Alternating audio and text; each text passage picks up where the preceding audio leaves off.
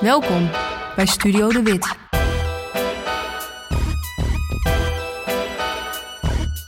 Hallo, ik ben Job de Wit en dit is mijn nieuwe podcast. In Studio De Wit ga ik uitgebreide tijd nemen om te praten met muzikanten, artiesten en DJ's. Ik ben benieuwd naar hun verhaal, hoe ze werken, wat voor mensen het zijn en hoe ze denken over de hedendaagse muziekwereld. Schat, wat is je? Voeg me op je BBN. Niemand hoeft te weten wie ik ben. Schat, wat is je? Het maakt niet uit hoe laat. Ping me en dan ben ik daar. We kunnen het houden on the low low. Want baby, ik ben niet van die plaatjes, nee, nee. Schat, wat is je? Hier heb jij mijn pin. Zet me maar erin. Een jaar of wat geleden schreef ik voor de Nieuwe Revue een reportage over Fouradi. De groep van de Amsterdamse broers Mo en Brahim Fouradi... die in de tijd veel succes had, onder andere met het liedje Ping... dat ik vrij geniaal vond. Fouradi maakte een soort catchy, dansbare, hybride pop, R&B en rapmuziek... die je een voorloper zou kunnen noemen van Ronnie Flex of Broederliefde.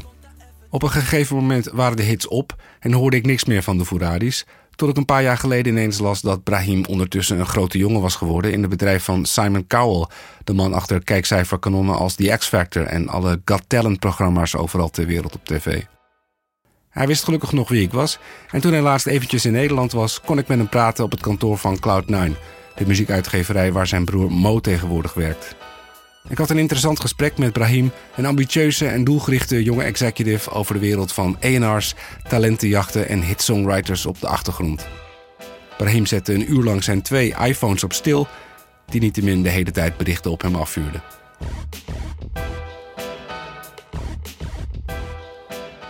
Brahim, als de mensen jou kennen, dan kennen ze je waarschijnlijk van de groep Fouradi die je met je broer eh, Mo vormde. Ja, ligt eraan welke generatie het vraagt. Grootste hit, eh één ding, 2006. Eén ding dat ik wil voor jou, dat je bent waar ik ben en je wordt mijn vrouw. Als ik even naar je kijk, is het zo benauwd. Dus zie me vrouw. Beste hit wat mij betreft Ping, 2010. ja. Ehm, en laatste hit 2012 of zo. Zo, ik, ik, jij weet het volgens mij beter dan ik momenteel. Ik, eh, het is in ieder geval heel lang terug voor mij. Fouradi was een soort van pop-R&B groep, als je het zo kan noemen. Ja, ja, en ja, jij ja. rapte er ook wel een beetje Ja, in. Maar ik denk dat niemand jou echt voor een hiphopper Nee, versleept. nee, nee, nee, nee. Nee, ja, althans de muziek niet of zo, weet je wel. Maar de cultuur of zo wel. Ik, whatever, ik ben gewoon een groot hip-hop fan. En eh, we hebben toen een tijd met Fouradi eigenlijk gewoon gemaakt wat we wilden maken, wat we voelden. We zijn nooit de studio in geweest of we hebben nooit van tevoren afgesproken: dit wordt de sound. Weet je wel, we hebben echt met veel verschillende producers gewerkt. Ehm, die ook echt, de ene maakte meer hip-hop, de andere meer dance, de andere meer pop. En daar komt uiteindelijk gewoon toevallig een Fouradi sound uit. Je schreef de liedjes samen met, eh, met je broer. Ja, En jullie zongen het ook samen. Jullie Ja. traden met z'n tweeën op. Ja, Eh, een hele intensieve periode lijkt me om samen met je broer op te trekken. Ja, zeker. Ehm, het, is, eh, het is best wel grappig, want ehm, daarvoor gingen we niet echt veel met elkaar om of zo. Hij had zijn eigen vrienden, ik had mijn eigen vrienden. Ik had veel jongere vrienden als dat hij had bijvoorbeeld. En eh, dan gingen we opeens samen muziek maken. En dan ga je eh, 150 shows in een jaar doen. Dus dan ben je alleen maar samen. Maar ja, dat is en blijft mijn broer. Weet je wel, we woonden ook samen toen.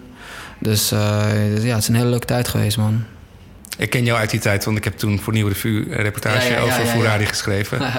Ehm, ik ging mee in de auto naar een optreden en toen moesten we nog een vriend van jullie ophalen, weet ik nog heel goed. Greg.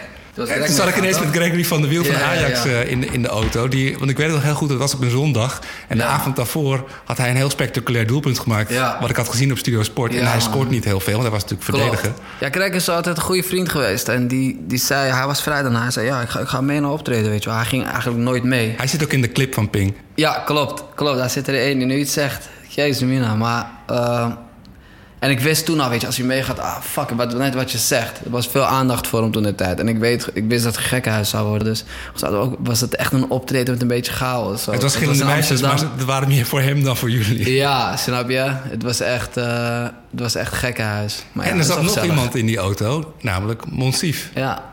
Dat was Ja, een, jongetje van Zo, een jaar of... Nou, hoe oud was die? Zes jaar geleden? Ja, hij was toen 12, denk ik. Twaalf. Ja. En die was jij toen in de markt aan het zetten als de Nederlandse Justin Bieber. Ja, klopt. En dat was eigenlijk, als je wel, dat was eigenlijk al het moment dat ik had van... hé, ik wil eigenlijk meer achter de schermen gaan doen. Het was, dat is heel grappig gegaan. Het was niet van, oh, ik ga hem de Nederlandse Justin Bieber maken of zo. Weet je hoe dat gegaan is? Zijn, ehm, ik kwam hem tegen, wij moesten een keer het voorprogramma van Nio optreden. En eh, toen was ik met, uh, met Kim Lian, we ging, we hadden ook een song met Kim Lian toen. En die was zwanger, die was hoogzwanger. Die wilde naar de Burger King voordat we op moesten. Dus ik liep met haar mee naar de Burger King. kwam ik Monsif tegen. En toen was hij nog, volgens mij nog veel jonger, tien of zo. Had hij echt een dikke gouden koningsketting om. En dan zei hij, hey, ik rap ook, ik rap ook. En dan ging hij in de Burger King, begon hij te rappen. En ik dacht van, oh, dat is wel tof eigenlijk. In Zuidoost? Ja, in Zuidoost. Bij de Bamer. Toen heb ik hem eigenlijk gezegd, oké, weet je wat? Als het zo moet zijn, dan komen we elkaar wel een keer tegen. En dan ga ik wat voor je schrijven. En dan gaan we de studio in. Hij zei, oké, is goed. Dus uh, toen ben ik, was ik een keer in de studio. Echt een, uh, ja, iets van een half jaar daarna of zo. En toen was ik met uh, een producer, Delivio, die eigenlijk het eerste opzetje van Ping had gemaakt. En met Mike Sterk, die video director. En beide zeiden ze, we hebben zo met een, Marokkaanse man afgesproken. Hij heeft een neefje dat zingt. Dus, en jij, weet je, misschien kan jij een beetje helpen. Dit en dat. Ik zei, laat maar komen, weet je. Kan ik een beetje helpen? En dat was Monsif die binnenkwam. Toen zei hij, je hebt gezegd, eerst volgende keer, dan ga je me helpen. En toen hadden ze eigenlijk al een soort van song klaar. Dat ik eigenlijk een beetje bewerkt heb. Um, en dat was zijn eerste single, mee met me. En ik zei toen tegen Justin, want Justin was toen inderdaad onze manager. Ja, mijn jongetje waar ik mee bezig ben en ik wil zijn single uitbrengen, maar er moet even goed persbericht komen. Ik zei, moet even wel een pakkende titels zijn, dat mensen, dat mensen wel dat gaan lezen en het gaan checken. En zei ja, weet je wat je moet doen? Zeg gewoon de Nederlandse Justin Bieber. Want Justin Bieber was super hot, toen. En dacht gewoon, dat is wel, wel grappig. En zo komen we eigenlijk, uh, eigenlijk daaraan. We kunnen. En dan je de liefde van je stem. Want jij bent alles wat ik voel, Tussen 2008 en 2012 scoorde Brahim en zijn broer Mo zeker een stuk of zeven hits. Maar op de radio werden ze nauwelijks gedraaid. En het discothekencircuit begon Brahim op den duur ook te vervelen. Ik vond het proces achter het artiest zijn eigenlijk altijd al leuk of zo. Dus uh, het zat er bij mij altijd in. En um, ik weet nog op een gegeven moment waren we aan het optreden ergens in het zuiden. Volgens mij, ik weet even meer, Roermond of zo. Of, uh, en toen, toen kreeg ik gewoon die klap on stage, om eerlijk te zijn. We waren aan het optreden en allemaal van die jonge meiden. En telkens weer dezelfde songs waar de helft van het repertoire stond ik niet meer achter. En toen dacht ik gewoon, nee, dit is, dit is nu wel echt tijd om, uh, om wat anders te doen of zo. Ik heb gewoon geen zin meer om op te treden. Het was ook telkens hetzelfde liedje, weet je wel. Het was, was nog voor Spotify. Het was YouTube. En je weet zelf hoe het ging toen je op, weet je wel. Er was, er was altijd een, een tijdwerk dat je zeg maar één of twee acts hadden die je dan goed deden. En volgend jaar werd, was weer iemand anders aan de beurt. Er was gewoon plek voor één of twee acts in het segment waar wij in zaten. Uh, we werden niet op de radio gedraaid. Niet dat het nu veel gebeurt of zo, maar... Het deed gewoon telkens hetzelfde rondje en ik had er geen zin meer in. Het was, ik wilde gewoon een nieuwe uitdaging hebben. En dan kan je een paar dingen doen. Je kan denk ik, ik ga andere muziek maken of ik ga... Dat is nooit een keuze voor mij geweest om eerlijk te zijn. We hebben af en toe al... Had ik het gevoel dat we... Uh, mankementen gingen doorvoeren in songs. Omdat we dan dachten dat we op de radio kwamen of zo, weet je wel. En daar had ik gewoon helemaal geen zin meer in. Dus ik ben toen gewoon... Uh, ik heb toen tegen mijn broer gezegd... laten we afmaken wat we nog moeten afmaken. We hoeven niet eens aan te kondigen dat we gaan stoppen. En dat we iets anders gaan doen of whatever. Maar ik heb toen wel besloten om gewoon achter de schermen te werken. En uh, toen eigenlijk ook wat brieven gestuurd naar labels of zo. Waar niet heel veel respons uitgekomen was. Om gewoon mee te lopen om te kijken hoe het ging bij een label.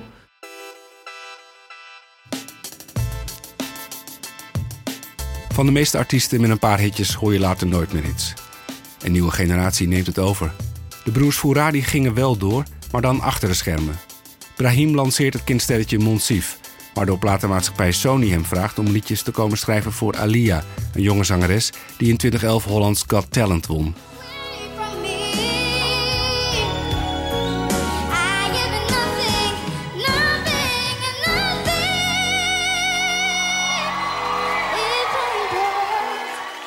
Haar carrière is Brahims voet tussen de deur van het grote succes. Ik heb toen aangegeven, ja kijk, ik ga wel best een nummer voor haar schrijven, maar dan wil ik eigenlijk alles doen. Weet je, ik kan niet een nummer schrijven en jullie gooien het op YouTube en laten we gewoon wat doelen stellen en uh, dan checken we verder, weet je wel. En dat ging gewoon goed toen met Alia en ik, ik maakte toen zelf ook nog wel muziek, want haar eerste single, daar Future, deed ik ook op. Um, heb ik puur gedaan zodat het iets meer waarde kreeg of zo. Uh, niet om mezelf nou een schouderklopje te geven, maar het was gewoon een manier. En uh, eigenlijk ging dat ook, net als Monsef, het ging gelijk goed. Weet je, het ging ook naar de miljoenen views en optredens kwamen binnen en alles.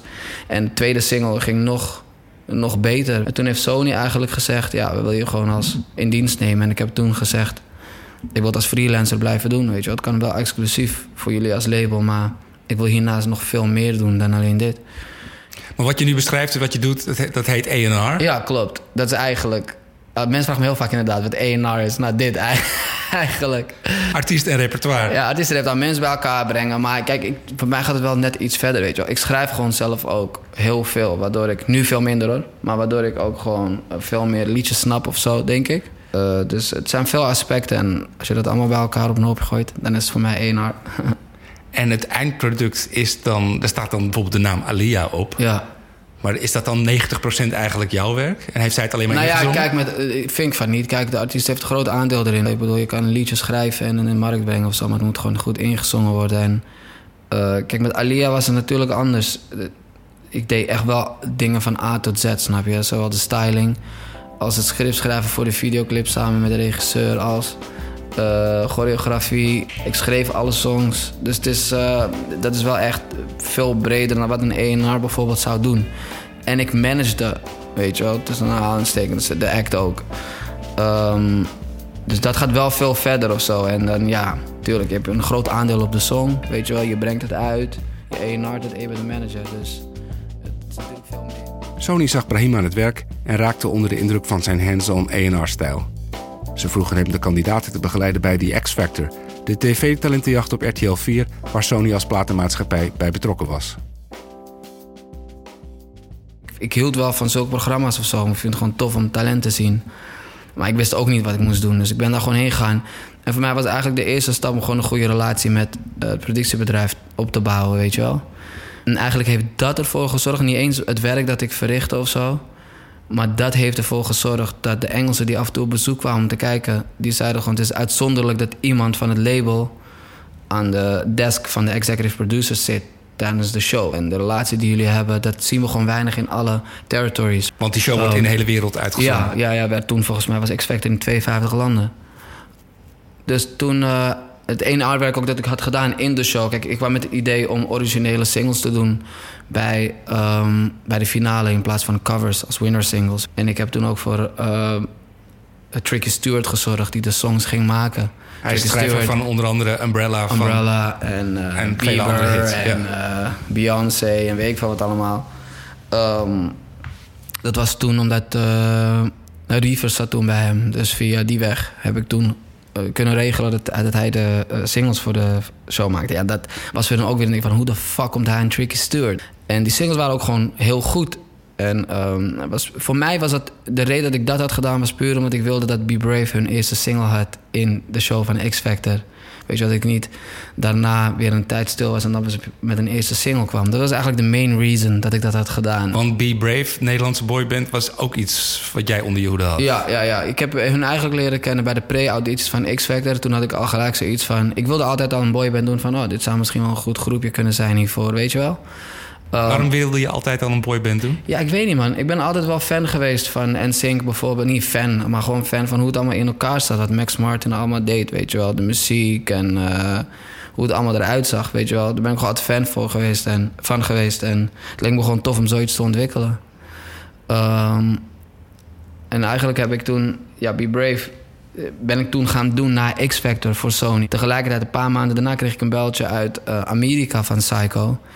Van hey, um, ik heb je aan het werk gezien in Nederland. En we zoeken nog een ENR voor de X Factor show in Amerika. Voor Kelly Rowland, de categorie. Van Destiny's Child? Ja, en je lijkt me geschikt daarvoor. Dus toen uh, had ik al van holy shit, maar ik, ik vond het ook kut, want ik wilde niet weer Sony in Nederland in de steek laten. Ik moest toch vier maanden daarheen, weet je wel. Maar in goed overleg heeft Rick van Schoten van Sony het me gewoon gegund van... ja, ga gewoon je ding doen en uh, als je maar gewoon een beetje bezig blijft. Um, dus toen ben ik dat gaan doen. En echt een paar maanden daarna uh, kreeg ik een beltje van uh, de directeur van Psycho. Van we willen je gewoon in dienst nemen en dat je dit gewoon voor ons blijft doen, weet je wel. En zo kwam je terecht in de wereld van televisie, zangcompetities. Ja, ja, ja, ja, ja, ja. Toen kwam ik echt in de wereld van televisie en muziek terecht.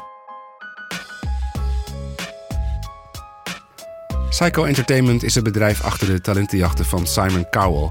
Als succesvolle Britse A&R-man was hij ooit een van de juryleden van het waanzinnig succesvolle tv-programma Pop Idol, dat hij na twee seizoenen de rug toekeerde om zijn eigen format te lanceren, The X Factor, tegenwoordig in meer dan 20 landen te zien. En hoog in de hiërarchie van dat miljoenenbedrijf zit Brahim Fouradi, bescheiden succesvol ex-artiest uit Amsterdam-West. Zeker in het begin was het nog best lastig voor Brahim om zijn plek te vinden binnen het team van Simon Cowell. Toen ik net naar Amerika ging, ja luister, als je zit je net in die meeting waar hij aan tafel zit, John Shanks die alles voor Bon Jovi heeft geproduceerd, die de muziek maakt, dan zit je met al die juryleden. Hoe voel je je dan? Ja, klein. Op het begin, weet je wel. Mijn Engels was ook niet super sterk toen. En heel vaak had je dan ideeën, maar denk van... Laat maar even stil zijn, want uh, straks gooi ik iets erin en denk ik... wat de fuck heeft deze Hollandse gast het nou weer over? Had je wel het gevoel dat je op de, op de juiste plek zat? Jawel, jawel. Want ik dacht wel van, oké, ik kan heel goed heel veel dingen leren. En, uh, maar ook bijdragen? Ja, zeker weten. Zeker weten.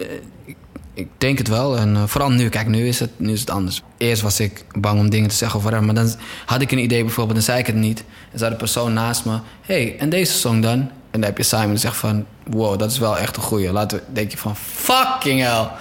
Snap je? En ik weet nog... Het, niet dat seizoen in Amerika... maar het eerste seizoen in UK... na de finale dat we in zijn kleedkamer waren, dat de show afgelopen was. En dat hij zei, kom even, weet je wel. En toen zei hij van, ik zie heel vaak dat je dingen wil zeggen... maar je zegt het niet. En hij zegt, dat moet je gewoon doen. Niks kan fout zijn. Je moet gewoon durven om dingen te zeggen. Hij zegt, want je hebt een goede smaak. wil niet zeggen dat als, iets, als iets niet gekozen wordt of whatever... dat het dan niet goed is.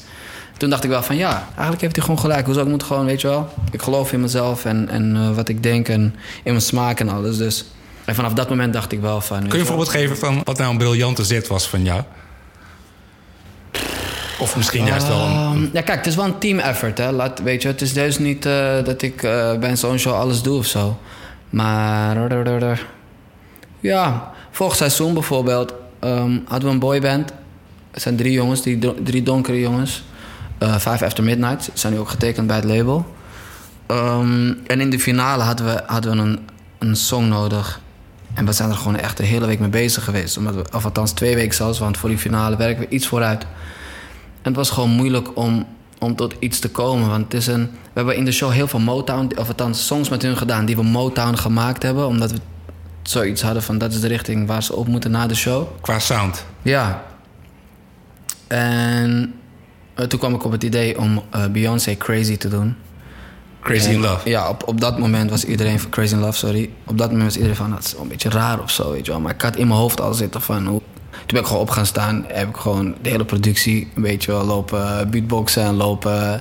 Toch van iedereen, nou, het kan wel werken eigenlijk. En de dance break toegevoegd wat van een ander nummer komt. En uh, dat was wel een van de beste optredens van het hele seizoen, weet je wel.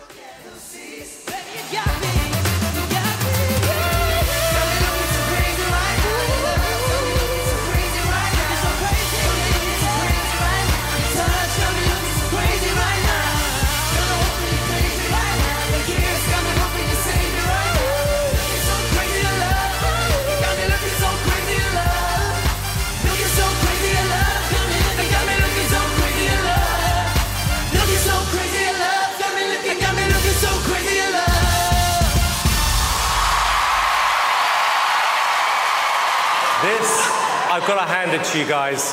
This from when I first saw you in a little room a few months ago.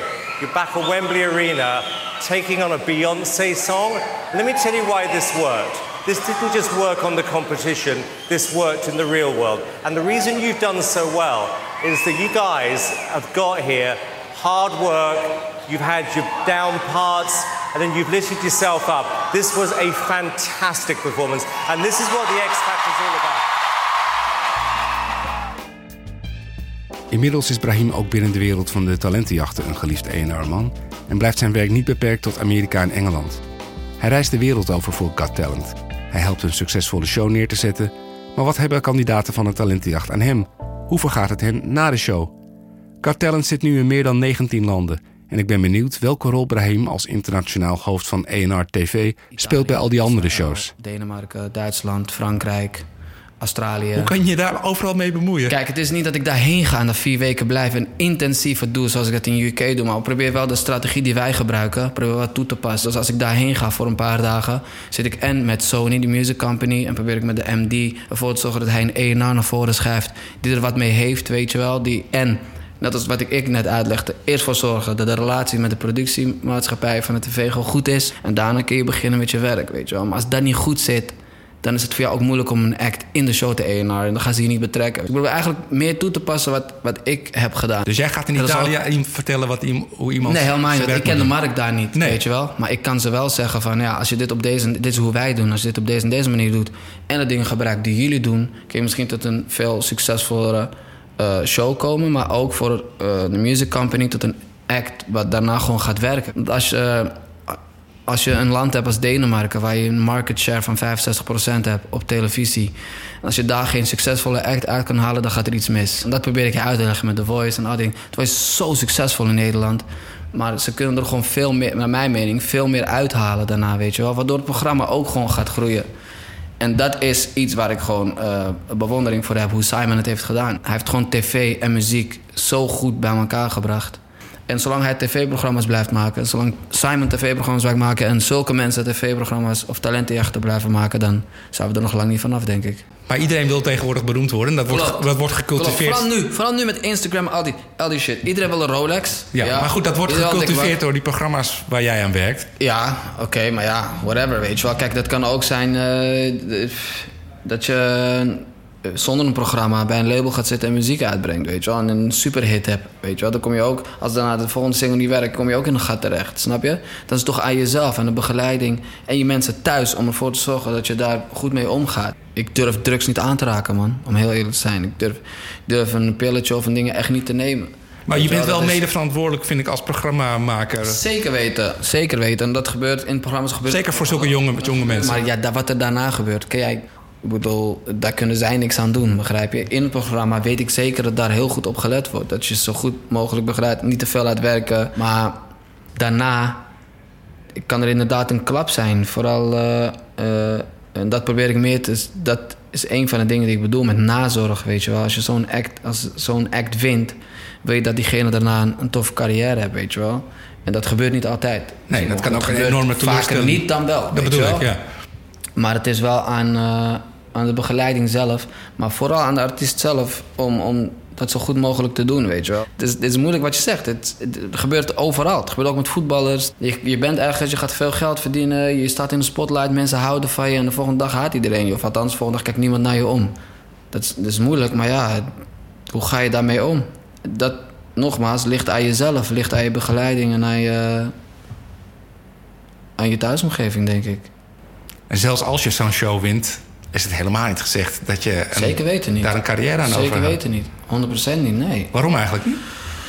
Ja, kijk, eh, net wat ik zeg, weet je wel. Je moet er gewoon voor zorgen dat, dat als je zo'n programma wint en een single uitbrengt. Kijk, vaak is het zo, je krijgt een. Als je zo'n programma wint, zit er vaak ook een deal aan vast. Je wint ook een deal. wel. platendeal. Een platendeal. Maar het kan zijn dat je. In Nederland kan zijn dat je een single wint met een optie op een album. Of optie op nog een single dan pas een album, weet je wel. Het wil niet zeggen dat het label daarna drie jaar met jou verder gaat. Heel veel labels die en de mankracht niet hebben en het niet snappen wat ze met zo'n act moeten doen. En dan komen we weer terug bij X-Factor. Is het al vanaf dag één artiesten definiëren, weet je wel, in de show. Zodat we daar werken aan. En, en als, als een programma dat helemaal niet doet... en je hebt een winnaar... en je weet god niet wat je met diegene moet doen... diegene is 17, weet zelf ook niet wat hij wilt... en je hebt daar geen team voor klaar zitten... die, dat wat we bij Alia deden, alles van A tot Z... die er echt elke dag op zit... Ja, dan ga je niks krijgen natuurlijk, weet je wel. Maar je kan het jezelf wel makkelijker maken... door aan het begin al eraan te zitten. Maar wil je dat? Wil een programma dat? Weet je wel? Weet ik niet. Misschien wil The Voice wel helemaal geen super succesvolle artiesten daarna hebben... zodat de volledige focus weer op het programma zit daarna. I don't know. Dat is, dat, dat is hoe het zit. Maar het is net, net als je een, een act gaat tekenen bij een label, weet je wel. Dan moet er ook gewoon een team klaarstaan die daaraan werkt. Je eerste single kan floppen. Hoe ga je daarmee om? Ga je verder?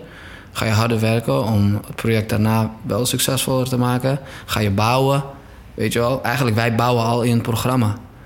En vaak begin je, hoe je het went of keert, na zo'n gaan begin je gewoon vaak ook bij nul, weet je wel. Je wil de nodige aandacht, maar het kan soms ook tegenwerken. Mensen verwachten iets van je na het programma. Dus ja, het is moeilijk man. Het blijft een, eh, blijft een moeilijk vak, maar het is muziek. En eh, het draait allemaal om, om smaak. Mensen moeten het leuk vinden. Maar ik denk als je de juiste songs hebt en het bij de man kan brengen, dat het goed kan lopen. En dat is wat jij doet. Dat is wat ik doe.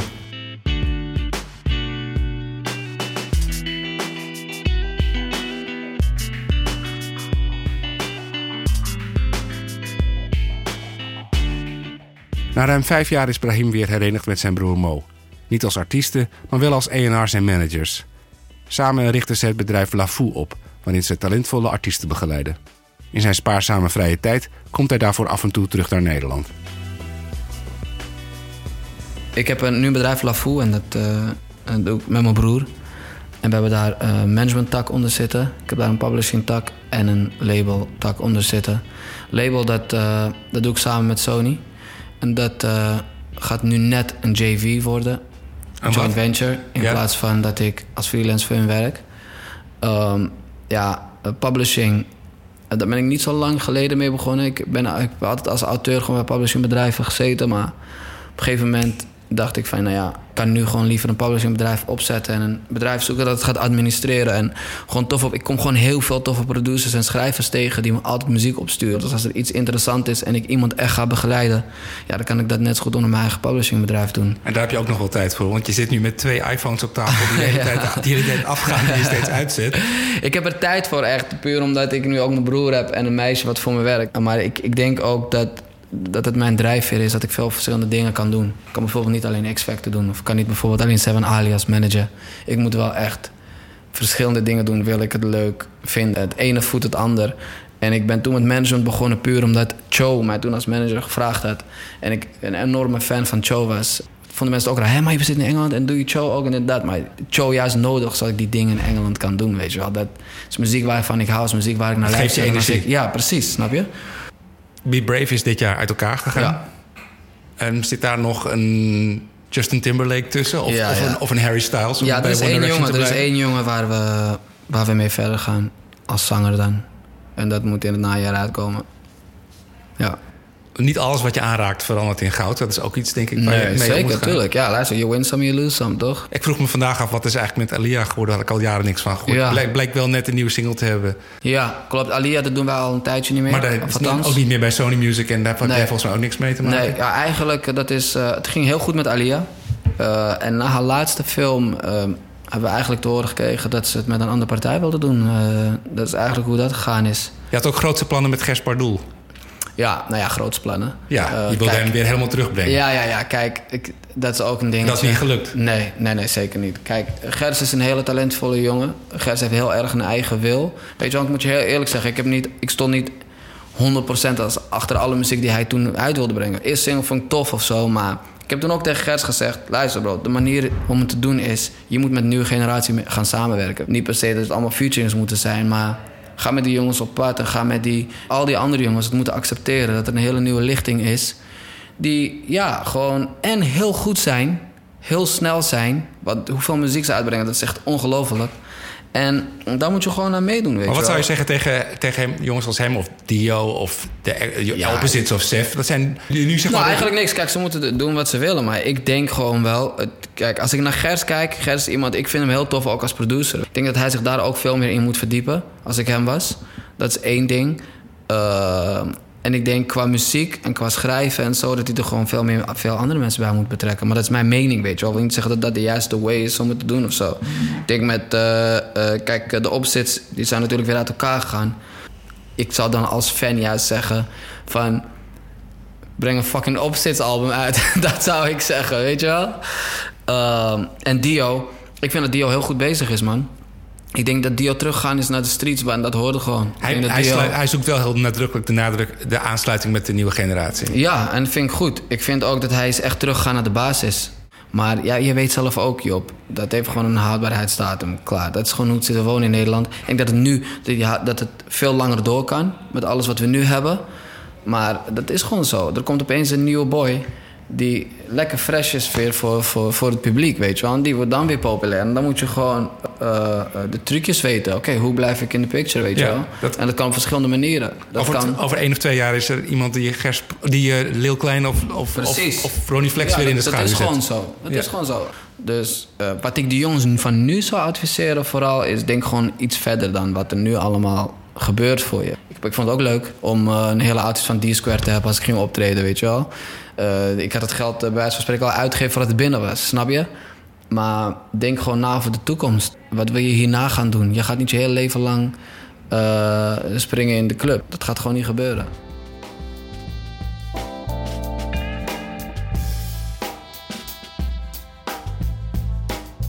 Brahim is een mover en shaker achter de schermen geworden. Hij opereert internationaal, maar voor zijn eigen bedrijvigheid kijkt hij heel goed naar de Nederlandse markt. Hij denkt altijd een paar stappen verder en niemand die hem nu nog onderschat. Ik ook niet. En hij is zo gewoon gebleven. Vanavond slaapt hij gewoon in zijn oude slaapkamer thuis bij zijn moeder in Amsterdam-West. En morgen stapt hij voor de zoveelste keer in het vliegtuig. Want Brahim is altijd on the move.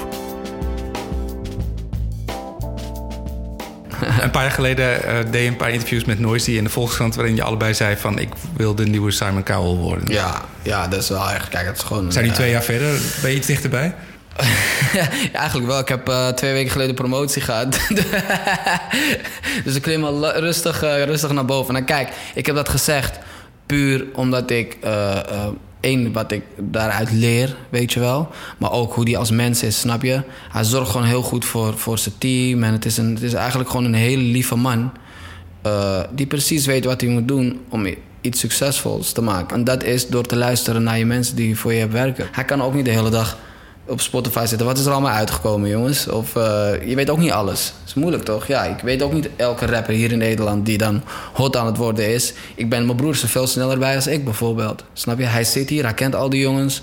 Dus als ik zeg van ik wil de next Simon Cowell worden... dan zijn het een paar dingen. Hoe hij tv en muziek bij elkaar brengt... maar ook hoe hij de acts in het programma al aan het vormen is... en dat soort dingen. Ik zou het tof vinden. Ik vind, ik vind zulke talenten echt heel tof. Ik heb heel veel geleerd nu al. Ik leer nog steeds heel veel. En wie weet dat ik ooit zelf een programma begin... waar ik talenten de kans geef om, om te laten zien wat ze kunnen, weet je wel. Maar ik, ik zou in ieder geval een heel succesvolle label willen hebben... en een succesvolle management company. Eerder dan een eigen tv-format. Wel eerder, ja. Wel eerder. Ik denk dat dat ook de manier is waarop hij het gedaan heeft. Ik bedoel, hij had toen al eh, eh, een muzieklabel. En eh, dat is eigenlijk het ding wat hij daarna heeft gedaan. Hij is natuurlijk als jurylid begonnen. Wie weet ga ik dat ook wel eerst doen, I don't know. Ik ben toen gevraagd voor Idols in Nederland. Dat nieuwe seizoen toen. Want het is weer teruggekomen, hè? Ja, ik heb zelfs een test gedraaid met die juryleden. Dat was toen de vraag ook, zullen het er vijf juryleden worden of vier? Uiteindelijk eh, is het niet geworden wat het moest zijn. En ben ik eigenlijk ook wel blij dat ik niet in de jury zit, om eerlijk te zijn. Maar ik zou het wel tof vinden om zoiets te doen. Maar als ik het zou willen doen, als ik het zou doen, jureren, dan zou ik het echt wel in een X-Factor willen doen of zo. Als X-Factor terug zou komen in Nederland, dan zou ik willen jureren. Ja. En een nieuw liedje van Furadi. Nee, gaat niet gebeuren. Nee, nee, nee. maar het ding is, ik mis het ook niet, omdat alle B-Break songs schreef ik bijvoorbeeld, weet je wel. En nam ik ook op voordat zij het opnamen. Dus ik zit nog, natuurlijk nog steeds in het proces. Ehm, ik mis het niet eens, om heel eerlijk te zijn. Want ik ben nog steeds bezig, ik ben nog steeds aan het schrijven, ik ben nog steeds aan het doen. Maar een nieuwe Furadi single, dat, eh, dat zie ik niet zitten of zo. We gaan er niet op rekenen. Dankjewel. Dankjewel, man. En neem je telefoon eindelijk op. Ja, echt hè. Even kijken. Damn. Is Vijf sms'jes. en eh ben ik hierop gebeld? Oh, een paar keer. Schat, wat is je baby 1, 2, 3, 4, 5, 6, 7. Niet zoveel toch?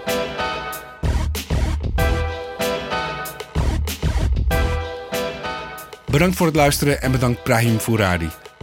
Dit was een productie van Dag en Nacht Media met editing van Anne Janssens en Lieke Malkorps. Mijn naam is Job de Wit. Laat een recensie achter op iTunes en laat me weten wat je vond via Twitter op Job de Wit. Voor meer podcasts check dagennacht.nl. Doeg!